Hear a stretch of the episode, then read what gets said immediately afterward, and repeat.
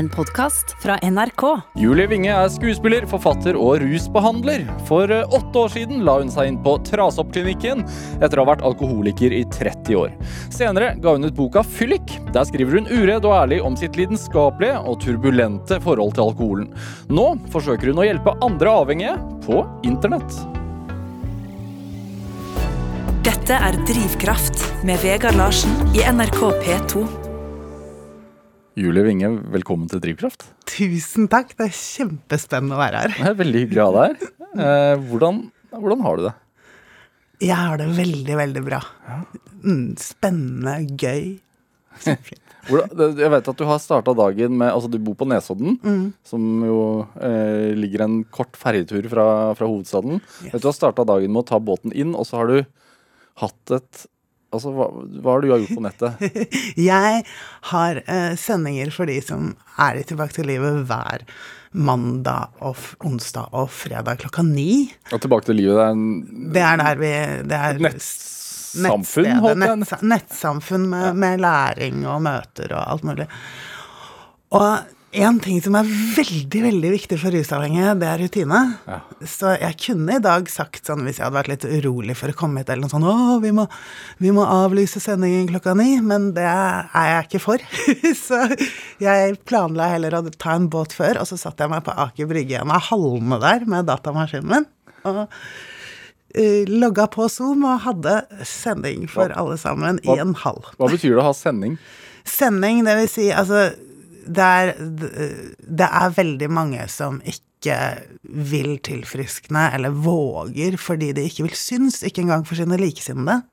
Og, det er jo sånn at møter med likesinnede er det som eh, virkelig gir solid tilfriskning. Men, men så er vi på nett, da, så jeg kan ha sending også, som gjør at de kan se på uten å synes. Hva sier du da, da? Da sier jeg hei, det er mandag, og sendingen er din. Hvis ikke Q&A-en fylles opp, så blir den bare ti minutter. og, så, og så varmer jeg opp. Ja, så folk stiller spørsmål. Ja, folk stiller spørsmål fordi de er i læring, ikke sant. Så de er i jeg, jeg, jeg har begynt å kalle det i sonen, jeg. Ok. Ikke sant? At man er i sonen og er i læring, og kanskje en, ny, en eller annen nykommer som «Å, jeg er så urolig. Og bare det å være urolig eller rastløs, det gir meg massevis å snakke om i minst ti minutter. Ja. så, så man er uh, uh, Altså, det, det er jo sånn uh, Inne i Tilbake til livet så er det vel 150 leksjoner. Det er mental helse, ikke sant? Så man så, så det er utømmelig med temaer. Hvorfor er det så viktig med rutine? Oi, det var et vanskelig spørsmål. det, det, vel, det jeg kan si om det Altså, rusavhengighet handler om følelser og tanker og ikke noe annet. Det handler ikke om fysikk. Så jeg kan, jeg kan si, si for meg hva, hva rutiner har gjort for meg. For det første så var det jo sånn at det skulle vi i hvert fall ikke ha noe av. altså, Jesus Christ, disse kjedelige folka som går rundt fra ni til fire. Altså, sånn er man når man er aktiv rusavhengig. Det rutiner har gjort for meg, det startet på Trasoppklinikken egentlig for åtte år siden med måltider. Eh, Faste måltider. faste måltider. Og det er liksom frokost, lunsj, middag, liksom? Ja. Ja. Og jeg er spisevegrer også. Så da jeg, begynte, da jeg kom på Trasoppklinikken, så tenkte jeg å, så fint, det er bra for eh, Fordi det er bra for, for slanking, eksempel. Og så da de sa nei, dette er bra for rus Hæ? og nå merker jeg hva, hva er det rutiner gjør med oss? Altså, Iallfall de vi bestemmer oss for selv, da. Eh, de gjør oss trygge. Uh, livet er behagelig. Jeg står opp klokka fem hver morgen, ikke fordi jeg må, men fordi det er digg å være alene i huset. Det er en rutine som er god. Ikke sant? Du gjør det? Jeg gjør det. Hva gjør du da, da? Da sitter jeg og koser meg med å surfe på internett eller høre på en podkast eller gjør minst mulig. Passe på å ikke svare på mailer eller Messenger, som er mye for meg, da. Eh, så jeg gjør ingenting som har med det å gjøre, før uh, klokka ni. Hva, hvordan starta du dagen for 10-12 år siden? Da starta jeg den med å grue meg til å stå opp. Fordi det er jo mange som tror at vi, vi, vi som er fyllesyke, ligger og purker oss over til klokka to. Men vi gjør ikke det. Vi våkner i angst mange ganger i løpet av natta, og så gruer vi oss til å stå opp. Fordi at kroppen vil ha mer alkohol, er det det som gjør Nei, ah, ja, det, ja, det er mange det er, det er et hav av grunner til det, ikke sant. Men for å ta følelsene, da. Mm. For det er de som er viktige, ikke fakta. Uh, og og det, det er angst Altså, man tror man har eksistensiell angst når man eh, drikker mye. Fordi at uh, det er jo psykoaktive midler vi snakker om her, ikke sant? Hvordan arter det seg? Uh, Åh, sånn. Jeg kan lage lyder. Nei, faen Ja, men det er Det er angst. Den typen angst. Og, og jeg hadde alltid sånn Jeg snakket i tredjeperson da jeg hadde angst. Fy faen, han er så Han Som egentlig var meg. Kom, det kom alltid en han ut. Fordi, kanskje fordi vi peker utover. At alt er andres skyld. ikke sant? Og så er det å hive seg rundt i dyna og prøve å få sove litt til på død og liv. Litt Altså, det er sånn når man, man har hodepine, så, så, så finner man jo ut etter hvert i livet at det å sove litt til etter å ha tatt en Paracet, det hjelper. Ikke sant? Vi tror at det skal gjøre det med angst òg. Og så er det Så vet man at man skal opp eh, med barna. De skal på skolen. For nå er vi på et fungerende stadie. Vi, vi skal ikke snakke om knebøy i dag, ikke sant? Eh, og og Knebøy, da snakker du om de som på er på gata. ingen er ikke sant? Ja. Ja. Og jeg, eh, det er ikke noe galt med deg som er på gata, vi er helt like, vi to. Men uh, det tror ikke de som sitter bak gardinene med perleøredobber. De tror at eh, du og jeg er forskjellige, de som sitter og drikker. Champagnen sin i Holmgålåsen er helt like som oss, det òg. Så rusavhengighet er vanlig. Det er veldig, veldig viktig. Og så det er jo da å stå opp klokka sju. ikke sant? For meg så var det klokka sju iallfall, med barna for å få de på skole og barnehage og sånn. Og det får man alltid til. Så er det en annen ting rusavhengighet gjør, da. Det setter deg på autopilot. Det står til og med i punkt Hva er det for noe? Fem, eller noe sånt, i avhengighetssyndromet. Autopilot, likegyldighet. Så opp fem over syv. Dra den litt til, og så gå igjennom den helvetestimen på lage matpakker og få barna ut av huset. Mm. Jeg hadde hjemmekontor den gangen også. Jeg drev sånn teater, eh, barneteaterselskap. Og Så jeg kunne jobbe litt når jeg ville. Bortsett fra på deadlines, ikke sant. Og Altså, du holdt deg edru i starten? Før de var, altså til de var på skole og barnehage? jeg holdt meg edru til barna la seg alltid, jeg. Ja. Det, var, det, det, det lå eh, i meg. Det kan jeg ikke forklare hvorfor. Det var noe jeg gjorde. Barna mine la seg klokken åtte. Aldri ett over åtte. Ja, det sier sitt, ikke sant? Så, så når, når barna var på skolen, eller den, den, etter den timen, så var det var ofte det var vår staude som var min fyllesjukemedisin. God morgen, Norge. God morgen, Norge. Ja. Uh, ligge der videre med angsten. Og gjøre det man eventuelt måtte. Og SFO klokka fem, og så ta på morsdrakten igjen. Og være mor til klokken åtte. Og så ha barnefri. Hvordan var de timene frem til åtte? det, det det er vanlig, ikke sant? Vi, vi skal tilbake dit hvor altså, altså, når man er konstant fyllesyk, så er man jo ikke fyllesyk. Altså, de som hører på nå, som har det sånn som jeg hadde det, de vil ikke kalle det fyllesyk. De vil også bli provosert av ordet. Hvorfor det? Eh, fordi at man ikke innrømmer sånt for seg selv. Ikke sant? Eh, men eh, eh, Altså, jeg har jo hatt en vane av å Da jeg var yngre, ka- kalt, kaltes det jo fest. Av å feste nesten hver dag. Og stå opp tidlig og gå på jobb. Så hvordan det føltes, det var eh, Jeg er veldig glad for at jeg ikke har det sånn nå. Eh, det var sånn det var. Det, det var livet. Det var ikke noe galt i det heller. Eh, Jeg hadde jo noe å se frem til hver kveld. Hvordan var det det? Altså, hva var det du så frem til, da? Og slappe av, kose meg. ja. Eh, party da jeg var yngre. Altså, jeg jobbet jo- på Onkel Osvald i utebransjen en stund og sånn, så jeg var jo all over the place. Ikke sant? Barbeint var mitt hjem og smuget og alt sammen. Så Og så går det over eh, videre som årene går, så får man barn og sånn, og da blir det For meg så ble det å sette meg Jeg ble alenemor fordi faren til barna døde òg, av kreft. Eh, Så det var å sette meg i vinterhagen på Nesodden og, og skru på Facebook. Og sitte der og ha hjemme alene-fest med de som var på feeden. Liksom. Og så drikke hele kvelden. da, da jeg var helt alene med barna de siste årene, så, så bodde jeg i vinterhagen og sovna på toseterne jeg hadde der. Eh, barna sov på sofaen. De elsket jo det, fordi de kunne se på TV og sovne. Jeg hadde en svær sofa, så var, da skrenka det seg inn til eh, Hva var det jeg ville Jeg lot de sove på sofaen for å spare den tiden det tar å legge barn, altså. Ikke sant?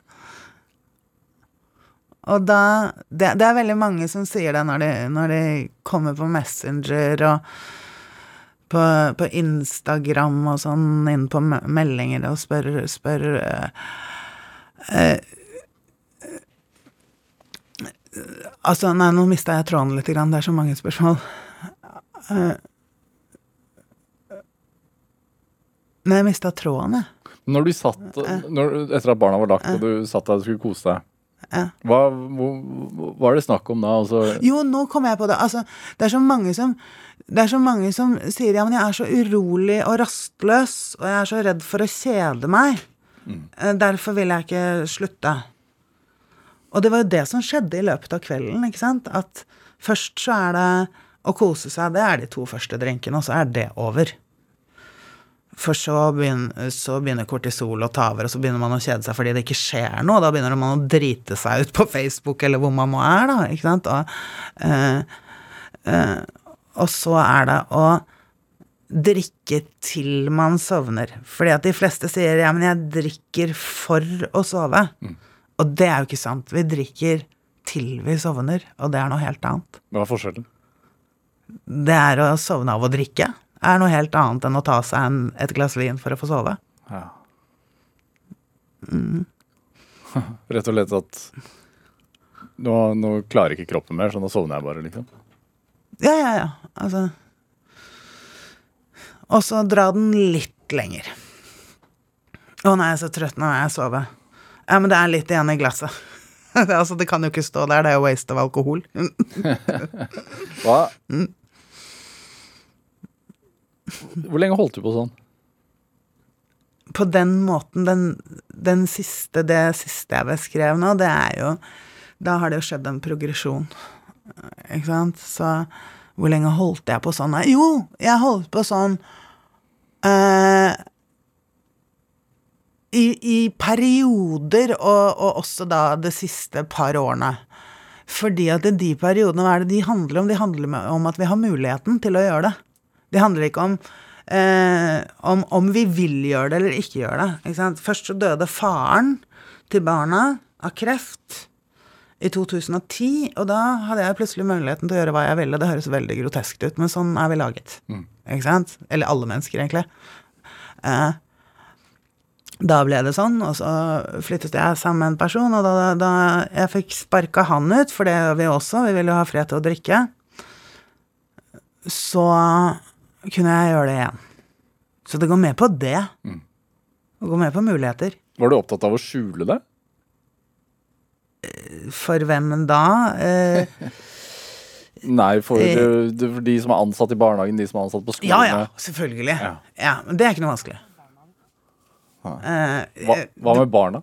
eh, barna Der sa jeg til meg selv at, eh, at jeg, jeg skulle drikke etter at de hadde lagt seg, bare. Man, man har ikke sånne refleksjoner når man holder på. Jeg var ikke opptatt av å skjule det for barna, jeg var opptatt av at man ikke drakk foran barn. Eh, og det klarte jeg jo. Men, men det er ikke noe Det er ikke noe fantastisk i det heller, at, at jeg eh, At jeg drakk etter klokka åtte. For det har igjen med vaner å gjøre. Ja, noen uh, reparerer og drikker hele dagen, andre gjør som jeg. Uh, og det er bare å se tilbake på livet, da. Først var jeg servitør. Skuespiller. Når er det de er ferdig på jobb. Om kvelden. Ikke sant? Så jeg var ferdig på jobb om kvelden hele veien. Så da jeg fikk barn, så var jeg også ferdig på jobb om kvelden. Var det Folk hadde sikkert sagt til deg, eller det vet jeg ikke, men var det noen som sa til deg nå må du, nå må du slutte? Julie, nå må du ta deg sammen. Folk sier det de gangene vi gjør dumme ting. Ja. men ikke ellers. Uh, og de få menneskene man får sånt mas av, de skjeller man jo ut og setter på plass. Vi rusavhengige, vi er veldig intelligente også, ikke sant? Det er uh, eh, Og jeg har til gode å møte en eh, rusavhengig person som er tjukk i huet. Så, men eh, Altså sånn som mamma, for eksempel, da. Eh, hun, kunne jo, hun kunne jo si ting. Men det var jo bare å sette henne på plass. Det er sånn at jeg gjorde henne redd for meg, og da uh, Andre mennesker sier ikke noen ting. Hvis, uh, ikke bare dette bygget, altså, ta, ta dette bygget som, som et eksempel, da. Det kunne like godt vært Rikshospitalet. Men i dette bygget, bygget kryr det jo av rusavhengige. Ikke fordi det er NRK, men fordi det er et stort bygg, bare. Ikke sant? Uh, og det er, det er jo ingen av dere som går rundt og sier til det dere vet om i kantinen, at du, nå, nå må du ta og roe deg ned litt. Grann. Nei, altså jeg var inne og leste eh, tall fra Folkehelseinstituttet, og det er noe sånn at hver tiende nordmann er, er storforbruker av alkohol. Eh, og de ti prosentene drikker halvparten av all alkohol som konsumeres i Norge. Og 10% er mye. Ja. Mm. Og så har du de som vil gjøre noe med det igjen, da.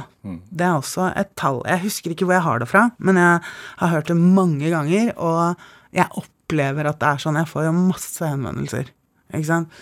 Eh, av de du nevnte nå, så er det bare 10% av de som er villig til å gjøre noe med det. Mm. Hvor viktig er det at man er villig til å gjøre noe med det selv? Man kan bare gjøre noe med det selv. Hva var det som fikk deg til å ville gjøre noe, da? Plutselig? Barnevernet dytta, dytta meg. Eh, jeg hadde holdt dem eh, Holdt dem eh, i mitt jerngrep av lureri og manipulering i, i fem år, tror jeg det var, til slutt. Eh, og så var det én bekymringsmelding, for da hadde det, på, på slutten så brøyt jeg jo dette her med å drikke etter klokka åtte og sånn. Sånt, sånt sklir ut for alle til slutt. Ikke sant? Så da kom det en, eh, en bekymringsmelding, og eh, og, barne, og jeg visste at barnevernet kom til å stå på døra dagen etter. Og da sa Jorunn, min saksbehandler, kjære Jorunn eh, Hun sa nå slutta du å legge deg inn, ellers så tar vi fra deg barna. Og da sa jeg ja. Fordi at da hadde jeg hatt en sommer som var helt i tåka. Jeg hadde klart å sjonglere barn og alt sånt noe. Jeg hadde til og med klart å sette opp en opera i Flekkefjord med 40 korister og Bare for å holde den der vanlige greia, ikke sant. Syv solister og et helt sommerspill. Uh, og så det var rett og slett Det var ikke følelsen av å miste barna, for den kunne jeg ha manipulert meg selv til å dra videre, ikke sant. Nei da, jeg kan bare si til dem det og det, og dette går bra, og jeg har klart det. Ikke sant? Men det var bare nok. Og alle der ute lurer på hva et nok er. ja. Ikke sant? Uh, så da eh, da skulle de finne et sted til meg, og da, da, det stoppet jeg. Nei, dere skal ikke finne noe sted til meg, jeg vet hvor jeg skal. Eh, for det er det viktigste i tilfriskning, er at man eh, har med likesinnede å gjøre. Og på Trashoff-klinikken så er det likesinnede som er behandlere. Ikke sant? Og, og driver med tolvtrinn og det som skal til. Hadde du prøvd å bli rusfri før? Nei. Men jeg, jeg hadde en sånn der fire måneders organpause to år før jeg slutta. Du kan kalle det det, da. Og det var, det var Da var det en annen jeg kjenner som var kjemperedd for å dø. Eh, en av disse barfliesene som, eh, som kom til meg, og jeg, jeg vet ikke hva jeg skal gjøre. Og så, og så sa jeg ja, ja, men du må gå på AA, da. Eh, og det ville han ikke, så jeg sa jeg kan følge deg. Og så fulgte jeg han til AA. Jeg kunne veien eh, fra jeg var 18 år dit på grunn av foreldrene mine i Los Angeles og sånn. Jeg gikk der med spisevegringen min en stund i Los Angeles. Så eh, det, det er det jeg kaller å kunne veien. Man vet hvor man skal, selv om man ikke drar dit, ikke sant. Så så, så, så fulgte jeg han til AA, så ble jeg der i fire måneder selv. Men jeg hadde ingen inter, indre interesse av å slutte. Så det var bare, det var bare greit da, liksom. Ja. Og så gikk det fire måneder, og så var det å gå inn på polet og skaffe seg en flaske vodka. Jeg hoppa over vinen da. og Jeg endelig skulle begynne å drikke igjen. Ja, så det var en premie. Nei, ja, ja, ja. Fylla. ja. Jeg så, så et innlegg på bloggen din også, at du var sånn mot vi, hvite måneder og sånn. Er du skeptisk, skeptisk til? Hvite måneder, det er uh, Avhengighet handler om planlegging, ikke om promille. Ja. Ikke sant? Så hva er det man gjør hvis man har en hvit januar? Hvis man er avhengig, da. Eller, eller ikke bare hvis man er avhengig, uansett. Hvis du har en hvit i januar, så planlegger du å drikke i februar. That's it. ikke sant? Det, det kan man ta med alt, det. Hvis jeg planlegger å ikke spise sjokolade i januar, så planlegger jeg samtidig å spise i februar. Men hvordan var det da når du la deg inn på Trasoppklinikken, og For da la du deg inn av egen vilje, og, og, og sa du til deg selv sånn Nå, nå må jeg få det til? Nei. Med en gang man sier til seg selv 'nå må jeg få det til', så får man det aldri til. Det kommer aldri til å skje. Ja, hva gjør man da? Eh, jeg la meg inn med vondt. Så vondt at jeg tenkte nå skal jeg lytte til det de som har gått før meg, sier. Hva mener du med vondt? Uh, det går ikke an å beskrive det. Hvis, hvis, hvis Jo, hvis jeg nå kan beskrive hva et nok er, og hva vondt er, så kan dere sende meg over på Lørdagsrevyen, så skal vi få hele Norge edru i løpet av fem minutter. Tenk om han hadde kunnet beskrive det. det hadde vært veldig flott. så, så, så det går ikke an å beskrive det. Jeg kaller Mitt vondt kaller jeg, og det vil ikke du som hører der ute, som fremdeles står i dette, dette vil ikke du være med på, men jeg kaller det 30 år med fyllesyke. Jeg hadde fått nok. Jeg var sliten av å ha det sånn som jeg hadde det. Og det, det er sånn jeg kan si til meg selv nå også. Én setning, den har jeg rappa fra Anthony Hopkins. Jeg vil aldri tilbake dit. For meg så rommer det Altså, da, da får jeg masse bilder i, i hodet av billige one night stands, ut, netter utenfor barbeint eller smuget. for eh, eh, Av ja, ensomme kvelder hjemme eh, da jeg ble eldre, ikke sant. Av de gangene jeg ikke klarte å ikke drikke foran barna. For det fins alltid unntak for en regel. Ikke sant? Jeg vil aldri tilbake dit. Det gir meg det. Og da jeg startet dette her, og, og, og bli og, Eller da jeg dro inn på Trasoppklinikken, så var jeg på riktig sted, det visste jeg. Og da var det opp til meg. Det visste jeg også. Resten er opp til meg. Så det jeg må gjøre da, er altså lytte til mennesker som skal fortelle meg noe jeg allerede vet, for jeg er jo besserwisser også, ikke sant? så, så da er det Ok, Julie, du vet ikke det du tror du vet. Så nå må du lytte. Mm. Og det driver jeg med enda når jeg skal lære noe. Da går jeg også Ja, ja, jeg skjønner hva du Nei, oi, oi, Julie. Du skjønner ikke hva de mener. så, så Men hva skjedde der inne? Altså, hva- det, det som skjedde, var at at jeg bestemte meg for det man skal bestemme seg for, som er å se hva som skjer. Jeg skal ikke slutte å drikke. Jeg har ikke sluttet å drikke enda. Du smiler, du tror ikke på meg, det? Nei, jeg, bare, jeg, jeg, jeg lurer på hva du mener med det. Nei, men altså, det kan jo godt hende jeg skal drikke en dag. Vi får se hva som skjer. Ja, hvor viktig er denne innstillingen? Hva er det du gjør det slutt med når du gjør det slutt med rusa? Du gjør det slutt med Jeg har en liten liste over hvem denne personen rus er. Det er Johnny Depp, det er Angelina Jolie. Det er morsomt, det er sexy, det er spennende, det er koselig, det er farlig, det er vondt, det er slemt. Har du, har du lyst til å bli sammen med han, eller? Eller hun? Hæ? Ikke sant? Du kan ikke slutte med det. Men du kan se hva som skjer. Og den prosessen, den er lang.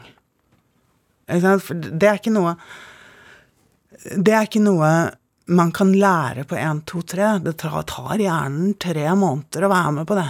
Og det var det jeg også skjønte, at skal jeg inn i den prosessen her, skal jeg gå gjennom et helvete, så skal det bli bra, så skal det bli dårlig, så skal jeg ikke skjønne noen ting, og så skal jeg skjønne masse, og til slutt så blir det sikkert bra fordi jeg ser det. Ser du det, da? eh, på de andre som hadde gått før meg. Ikke sant? Det er, det er en Det fins en fasit, og det er at eh, 90 millioner mennesker har gjort dette her på kloden før. Og den kan du ikke krangle med. Er det en kamp hver dag ennå? Nei. Det er nettopp det. Ikke sant? Jeg sier at man slipper. Den har jeg ikke funnet på selv. Mange tror at jeg har funnet på eh, Funnet på at du skal ikke slutte, du skal slippe.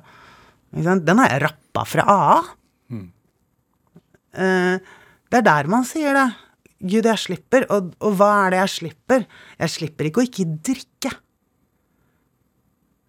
Det, det, det er mange år siden, ikke sant? For de som er tilbake til livet, òg. det det er jo det er jo tre måneder, det første året lite grann, opp og ned. Altså, jeg kan Det man er mest redd for, er å kjede seg. Det som stopper en person i å gjøre dette her, er, å, er frykten for å mislykkes og å kjede seg. Og hvis jeg hadde kjeda meg nå, så hadde jeg vært drita. Det fins ikke et menneske i verden som gidder å gå rundt og kjede seg i åtte år. Eller to, for den saks skyld. Eh, og det er sånn Det er sånt man må tro på for å få det til. Eller man må tro på det man ikke tror på, for man tror ikke på det. Man tror at det kan gjelde andre, men ikke en selv. Må du lære deg, altså Måtte du lære deg å ikke kjede deg? da? Nei. Det kommer jo det. Ja, hvordan da? Hvordan da? Det, kommer, det, er, det er evolusjon. Vi, all, all tiden vi har, eh, har brukes på planlegging. Absolutt all tiden. Fordi vi planlegger fra vi våkner, hvor mye er det igjen i skapet. Så planlegger vi hvordan hvis, hvis vi, vi skal få drukket i forhold til partneren vår, og om vi skal rekke, få rukket polet eller butikken i forhold til jobben vår, og i tilfelle hvis ikke, hva skal vi gjøre da? Eh, så bruker vi hele dagen på det. Og så fortsetter vi med det dagen etter. Og la, la oss si man skal på ferie, da, hvis jeg har driti meg ut. Eh, la oss si du og jeg var gift, og jeg hadde driti meg ut og skreket til deg for to uker siden, og du hadde sagt 'Julie, nå må du slutte å drikke'. Dette har skjedd meg, selvfølgelig. Og så gjør jeg det i to uker, for alle kan det. Og så blir du kjempestolt. Du er så flink, Julie. Og så er det du som begynner å diskutere med deg selv. Kanskje hun ikke er alkoholiker allikevel. Og så skal vi til Hemsedal. Og så er jeg kjempesøt og snill, og vi har pakket alt, og Og så er det hvordan skal jeg få han Jeg kan jo ikke være i Hemsedal uten å kose meg. Hvordan skal jeg få han til å Å ja, kjære. Kan vi ikke dra litt tidlig fra Oslo, sånn at vi kommer frem i tide? Ja, når vil du dra, da? Hva med i seks-syv-tiden? Da kommer vi frem så tidlig. Da har jeg allerede planlagt at vi rekker polet på Gol! Ikke sant? Og, og på veien så kan jeg si 'Å, du, jeg kjøpte litt lam'. Og da, hvem er det som tenker rødvin da? Det er ikke meg, i hvert fall. Jeg har bare sagt lam, jeg. Og det er klart at når alt dette her blir borte, så får man tilbake hele hjernen sin. Så man får tilbake mye mer av, mer av de talentene man hadde fra før av, f.eks. Og, og de kan forandre seg litt. Sånn som Jeg har alltid vært skuespiller, og plutselig da jeg ble edru, så kunne jeg skrive. Det er ikke noe jeg visste eller prøvde å få til. Du skrev annet en bok etter at du ble Ja, ikke sant? Sånn. Skrev den på to måneder. Ja.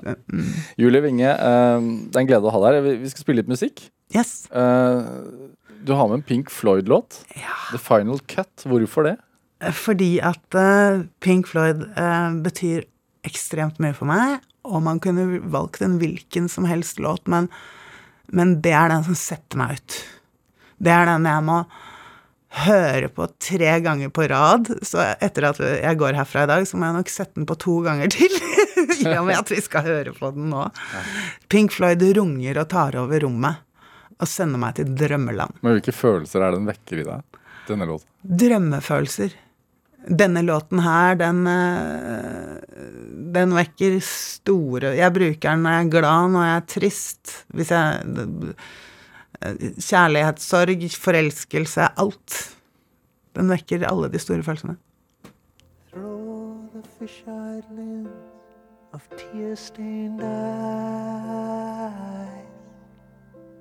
I can barely define the shape of this moment in time. And far from flying high in clear blue skies, down to the hole in the ground where I hide.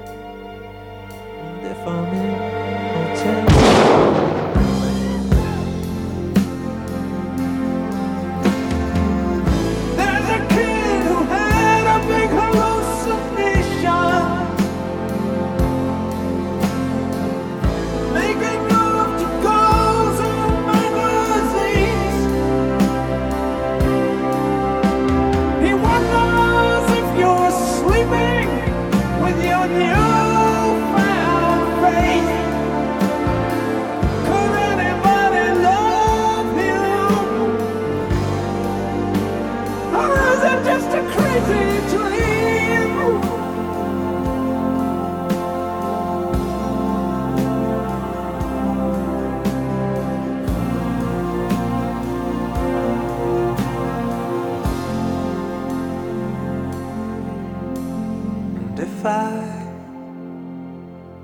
show you my dark side, will you still hold me? tonight. And if I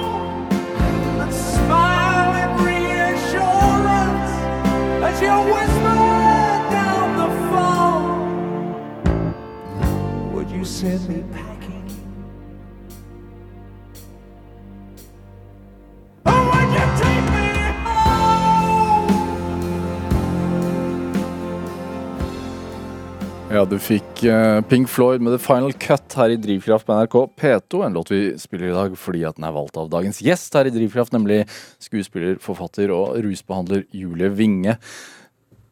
Hva Altså, du, du, du, er jo en vinge. Du, er, du har et kjent etternavn i, i, i norsk kultursammenheng. Eh, og du er jo født og oppvokst på Nesodden, eller? Nei, jeg er ikke fra Nesodden. Nei? Mm, Jeg har ikke noe imot Nesodden, men vi flytta dit da jeg var 13. Og jeg fortsatte å gå på Steinerskolen på Hovseter hele veien. Hvor, er du, hvor vokste du opp? Eh, I Gabels gate 37. Ja. På Frogner, altså. På Frogner. Mm. Med en mormor i Gyldenløves gate. Hun flyttet ned fra Makrellbekken dit. Så jeg er en skikkelig vestkantchick. Og så har du vokst opp på Nationaltheatret, holdt jeg på å si. Ja, jeg vokste opp på Nationaltheatret i korridorene. Jeg var førstefødt. Eh, Så praktikantene vi hadde i Gabels gate, ble, var mest til broren min og etter hvert søsteren min, som er ti år yngre. Så, og mye Bergen. Jeg, jeg bodde i Bergen fra jeg var eh, seks år til ni år. Og det er, det er ganske mange år nå, i, den, i den tiden der. Og da Da hadde vi også dagmamma. Vi bodde i Fyllingsdalen og på Paradis. Og der eh, dro jeg alltid til teateret etter skolen, for jeg gadd ikke å være hos dagmamma. Så korridorene alene eh, på Nasjonale Scene, de er mine. Hvordan vil du Altså Det er jo en del av oppveksten, selvfølgelig, men hvordan vil du beskrive oppveksten din sånn ellers? Uh, ja, det, for et spørsmål! ja, men, altså, det er lett for meg å si ganske vanlig. Folk som ikke har teaterforeldre, vil jo ikke være enig i det. og folk som ikke har Stein Winger og Kari Onsdag, hun var jo klin gæren, er jo heller ikke enig i det. Eh, men eh, for meg så Oppveksten min besto mye av av å være sammen med de på teatret, egentlig. Eh, Jeg var, var mye på prøver, og jeg, jeg var i, I Bergen spesielt var jeg den lille maskotten. Og, og så etter hvert på Torshov-teatret, da vi flytta tilbake. Så da mamma og pappa hadde jo litt av et turbulent ekteskap, så, så jeg var også mammas regissør mye i barndommen. Hva vil det si? Det vil si at jeg var mammas regissør. Verken mer eller mindre. Hun Jeg, jeg eh, Det er sånne tider jeg husker spesielt fra, fra stabbeveien i, på Paradis i Bergen, at da var mamma og pappa separert. Og de kranglet veldig mye. De kranglet nesten hver dag i hele oppveksten min. Uh, det er ikke derfor jeg drikker, bare for å understreke det. Det er ikke noe uh, synd på meg i det hele tatt. det er helt vanlig. Uh, men uh, men på grunn av det, mamma hadde store roller i Bergen, så jeg måtte sitte og, og gå gjennom alt med henne hver dag på soverommet. Mens hun eh, løp ut når telefonen ringte og kranglet litt med pappa, og løp inn igjen og det, det var sånn heavy roller. Sånn eh, Hedda Gabler og Troll kan temmes av Shakespeare, og det var ikke måte på hva jeg eh, måtte sitte og peke som Ja. Så jeg, jeg, jeg kunne ikke bare sitte og se på henne, jeg måtte virkelig inn og eh, jobbe med henne. Det krevde hun. Så, så det, det, det, å eventuelt, altså det å velge en skuespillervei lå litt i kortene, med andre ord? Ja, jeg tror det. jeg tror det. Det, det gjorde det. Og, og det ble Det ble litt sånn, sånn alkoholmessig, så, så ble det litt min bane òg. Jeg eh, Jeg er oppvokst sammen med mange andre hva skal vi si, nå tar jeg fingrene opp på siden av hodet her og, og sier kjendisbarn, ikke sant? Eh, som, sånn som Mats Austdal og sånne mennesker som har klart seg veldig fint. Men jeg klarte ikke å leve med det navnet og gjøre det samme. Jeg klarte ikke å gå inn på teaterskolen, eller jeg gjorde det jo, men jeg fiksa ikke at det skjedde. At, at foran juryen å søke der mens de satt der nede, helt uten å mene noe vondt med det, sikkert sa 'Julie, så stor du er blitt, da'. ja, hvordan går det med deg? Ikke sant. Så jeg Jeg ble veldig min uh, fars datter. Følte alltid at eh, Eller du tenkte alltid at det var, det var grunnen til at du fikk en audition, eller nei, det, var jo ikke så mye auditioner på den tiden heller. eh, men eh, det, var, det, det var ikke Nei, det var mer omvendt. Føler jeg. Det var, det var grunnen til at, at Altså, jeg, jeg var min fars datter sånn at jeg hele tiden måtte bevise meg, følte jeg den gangen. Ikke sant? Og og folk snakket jo til meg 'Hei, Julie, hvordan går det med deg, da?' Uansett hvor gammel jeg var. Men dette her er jo ting vi bringer på oss selv også, tenker jeg. Ikke sant? Eh, eh, hvem, hvem var du som barn, da? Var du eh, ekstrovert, introvert? jeg, var, jeg har alltid vært eh, ekstrovert. Samtidig, men men det er, er, er ikke det sånn alle ekstroverte sier, at vi er veldig sjenerte også? jo. Eh? Som ingen andre enn oss forstår? Ja. Ja, ikke sant? Jeg er veldig privat. Det er jeg. Jeg er ikke sosial. Uh, men sjenert, det er vel godt over, tenker jeg. Eh, må jo eh, ligge ute eh, på Instagram hele dagen så for å drive tilbake til livet, så sjenert kan vi bare glemme. Men uh, føle meg dum, ja. Teit, ubrukelig og sånn, ja. Eh, men jeg- da, da, jeg, jeg er romantisk. Da jeg var liten, ville jeg bli Før, jeg, før alt dette skuespillergreiene satt i gang, så ville jeg bli blomsterpike. Ikke sånn som driver butikk, men sånn som sitter i blomsterengen og plukker blomster. Mormor spurte meg hvordan skal du tjene penger på det, og det vet jeg ikke, men jeg skal bli blomsterpike. Mm. Er det Husk, altså Ble du forelsket i alkohol tidlig? Når man ser tilbake, kan man si det. Ja. Men det er ikke det man sier når man er 13. Da sier man bare Man, man tenker ikke engang at det er alkoholen, kanskje. Det, jeg, jeg skulle på fest, jeg. Og så trodde jeg at jeg skulle på en sånn kyss, klapp og klem-fest med brus og foreldre, og så var det ingen foreldre der, og så var det masse folk der oppe i Ullern. Tenke deg, bo på Frogner og gå på gå på Steinerskolen på Hovseter, da, da, da er jo omgangskretsen veldig stor. Ikke sant? Så den festen var jo også Så da løp jeg rundt etter den tøffeste gutten i klassen for å få bomme to øl av han, husker jeg. Og eh, så, så det var ikke noe sånn da, jeg, da det gikk opp for meg at Oi, dette var en fest med. Det, det var bare sånn Faen, er det at ikke jeg også har øl?! Hvorfor var det ingen som sa noe til meg?! Ikke sant. Og så fikk jeg blackout ganske fort i løpet av festen. Så det, det gikk nok mer ned, mer ned enn de to ølene, som jeg ikke husker. Jeg har sikkert tatt glass og sånn, og så klinte jeg med en gutt i parallellklassen jeg ikke kjenner så godt, og hele pakka. Hva er, hva, hva er det som skjer da? Det er, det er et eller annet Det som skjer, er jo det som skjer oppe i amygdalaen, som er så populær å snakke om nå for tiden. Ikke sant? Altså at det første som skjer, er den første ølen som bare Yes! Jeg har det bra! Og så er det det som setter seg da for resten av livet. Så det var jo ikke noe sånn at neste fest var to uker etterpå. Jeg var jo 13. Så jeg kan ikke huske om det var to år etterpå, eller hvor lang tid, men, men det var jo jaget etter spenning. Det kriblet i hele kroppen, livet var her, og masse forelskelser og gutter og bæ, herlig! ikke sant? Så, som, som jo er en, altså, Ja. en relativt normal liksom, oppvekst. Altså, 13 er tidlig, men, men altså 13 er vanlig. ja. Ja, det er det.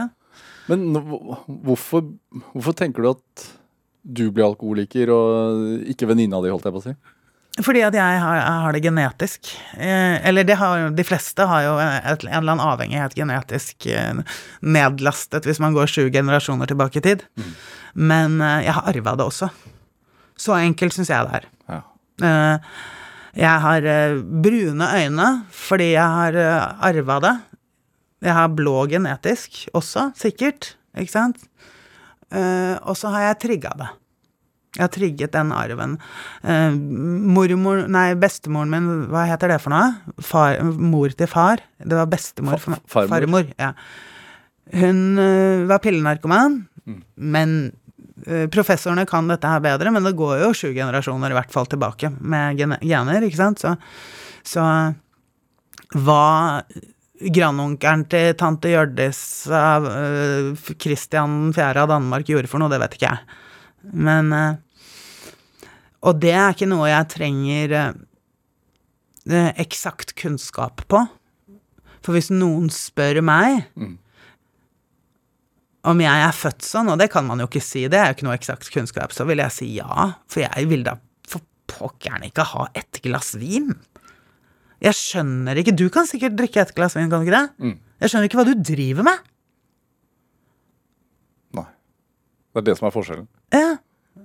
Du skjønner ikke Du skjønner ikke hvorfor jeg må ha hele kartongen, ikke sant? Nei. Men jeg fatter og begriper ikke hva du gjør med et glass vin.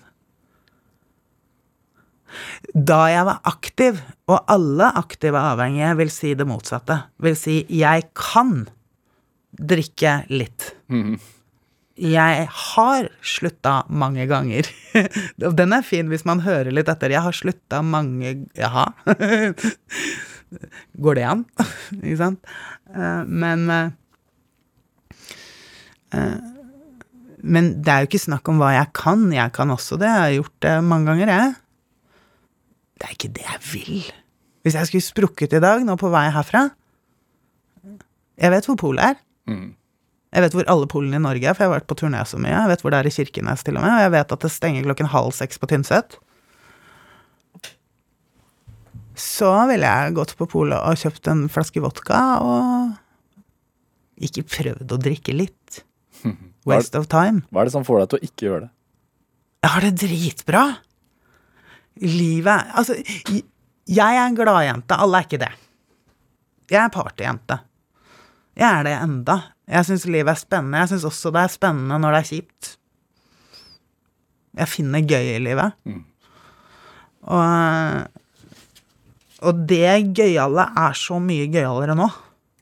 Fordi det er ikke gøy å ligge med tilfeldige mennesker. Jeg er ikke sikker på om jeg hadde gjort det lenger, men hadde jeg ikke gjort det, så hadde jeg gjort noe annet for oppmerksomhetens skyld. Som ikke er noe gøy, det heller. Det er ikke noe gøy å våkne i angst. Det er ikke noe gøy å ikke kunne skape noe, eller jeg, eh, jeg kan gjøre akkurat som jeg vil i livet, og det er veldig, veldig gøy. Er det etter at du kom ut fra Trasopp, og, og så skrev du boka 'Fyllik', som, ja. som handler om alkoholbruken din, og, og, og så startet du jo uh, dette nettsamfunnet Tilbake til livet. Eh, hvordan, har forhold, altså, hvordan har forholdet til barna dine forandret seg? Forholdet til barna, det, de var åtte og ti da jeg sluttet. Å, sorry, jeg har ikke slutta. men ja, sist. Eh, Men det som Altså, så de har ikke opplevd det, eller de har opplevd ting de ikke kan sette ord på fordi de var så små, ikke sant, men jeg har tid til dem. På vanlig måte. Mm. den van, altså vi foreldre blir slitne om å ha alenetid og alt det der, ikke sant, men, men de må ikke legge seg. Nå er de 18 og 16, så det er noe annet, men jeg er ikke irritert hvis de er i nærheten av meg fordi jeg vil ha alenetid for å drikke, for eksempel. Eh, jeg har tid til å prate med dem på en annen det, det, Tilstedeværelse, tror jeg det heter. Enkelt og greit, hvis du skal koke det ned litt. Mm.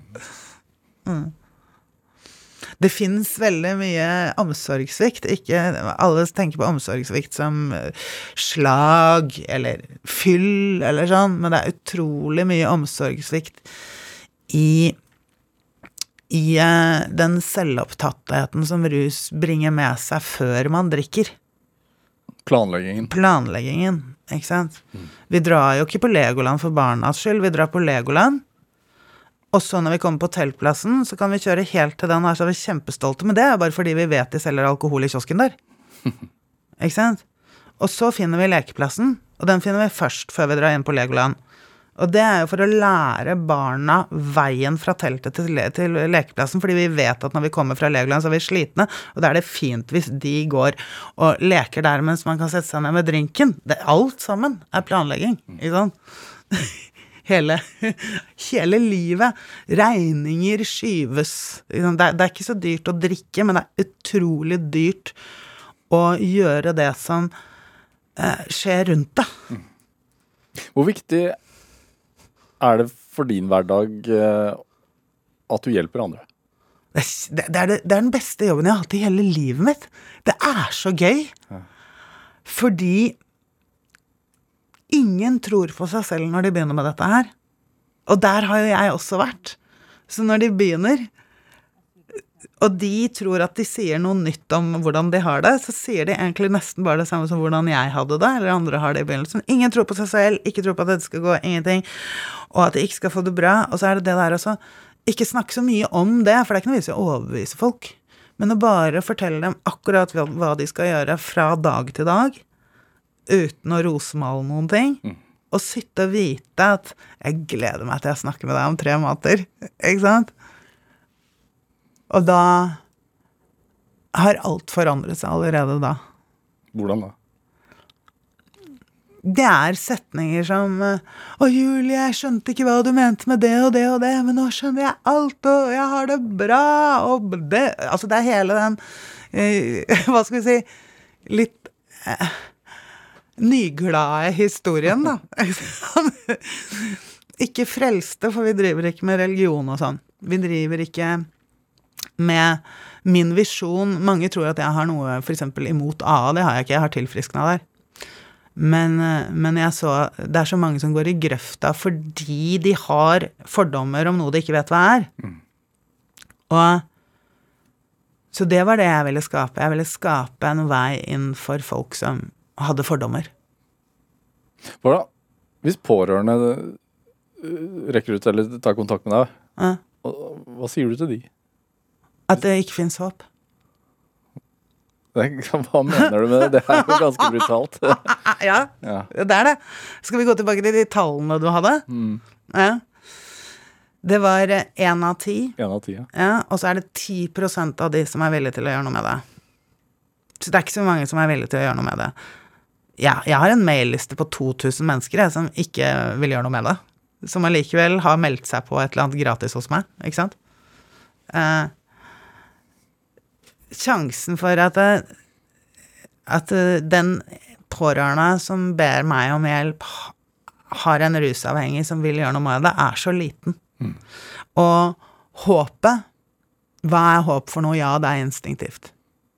Ja, det er noe vi lærer overalt. Vi skal ha håp, det er ikke det. Men man må smelle i bordet og være litt klar. Eh, fordi at det håpet, det er det man lever Man lever i, i beredskap hele tiden som pårørende. De fleste av oss er pårørende. Så, så man lurer på hva som skjer rundt neste hjørne hele tiden, og så går det bra. For det gjør det ofte. Alle mennesker, til og med han i Frognerparken med rød sprit, slutter en gang iblant.